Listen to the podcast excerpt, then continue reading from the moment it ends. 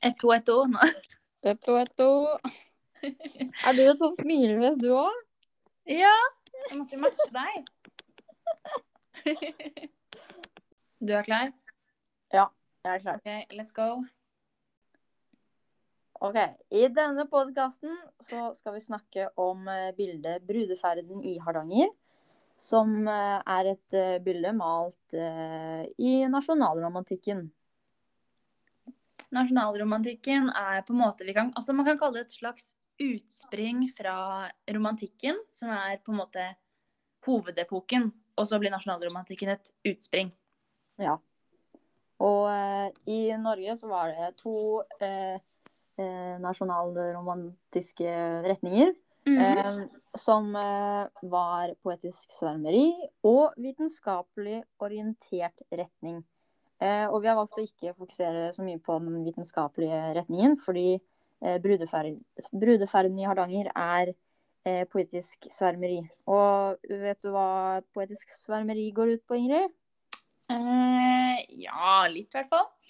Eh, I denne retningen så er man veldig opptatt av naturen og mystikk, og særlig bygdeliv. Eh, som er, alle er fremtredende trekk i brudeferden i Hardanger. Så den nasjonale romantikken i Norge var fra 1840 til 1860. Og bildet var malt i 1848, så det vil si da omtrent i midten av eh, denne tidsepoken eller tiden, da.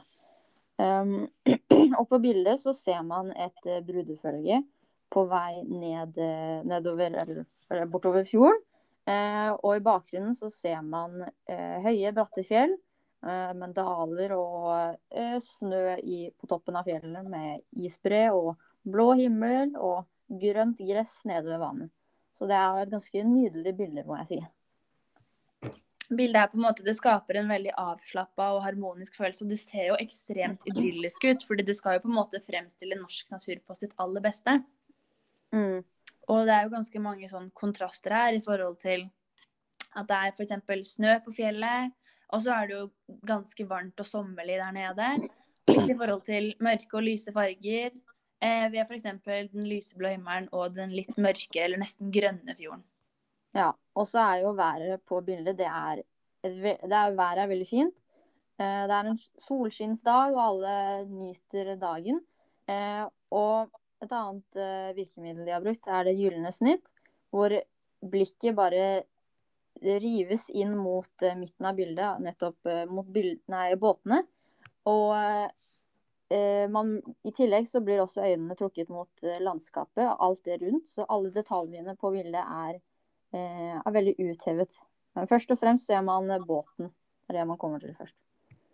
Grunnen til at det kanskje er, eller grunnen til at det er bønder i nettopp dette brudefølget, er jo på en måte fordi at bønder på den tida var veldig typisk norsk, siden mange bl.a. levde av jordbruk. Og vi ser også at de har på seg norske nasjonaldrakter og bunader. Altså de er på en måte tradisjonelt pynta. Mm. Også på denne tiden så er vi fremdeles i union med Sverige, men vi er veldig selvstendige, og dette er jo eh, Dette gir trykk på den nasjonalromantiske følelsen, hvor vi eh, Eller Ingrid, vil du fortelle, fortelle litt mer om det? Fordi eh, grunnen til at kanskje, eller som jeg har tenkt litt, da, er at kanskje grunnen til at nasjonalromantikken dukker opp på en måte akkurat nå i et utspring i romantikken, er fordi det fikk en ekstra push i 1814, fordi Norge fikk sin egen grunnlov. Eh, og da når vi løsriver oss fra Danmark, så blir vi jo, som du sa i stad, mer selvstendig, selv om vi er i union med Sverige. Ja. Eh, men vi får jo mye større frihet og egen grunnlov, og det blir jo på en måte Vi blir jo egentlig som et fritt land med liksom nordmenn, men vi er på en måte styrt under en svensk konge, da. Ja, også på den tiden så ble også bøndene mer interessert i å eh, interessert og engasjert i styringen av samfunnet. Så bondestortinget, eller Bondetinget, blir også eh, organisert da, på en måte. Ja, jeg tror det er, rundt, det er vel rundt 1830-tallet, så rett før på en måte da starten Ja. av eh, nasjonalromantikken, egentlig. Mm. Ja. Og det som preger den i tillegg, er jo også eh, fokus på altså, nasjonalfølelse. Mm. Eh, og så da, da er det jo tilbake til naturen, da, som særlig samler veldig mange mennesker. Fordi naturen i Norge er jo et veldig liksom, typisk trekk. Det er det. Så Hans Gude malte landskapet. Eh, figurene er malt av Adolf Tidemann. Eh, bildet var nå malt i 1848, tror jeg.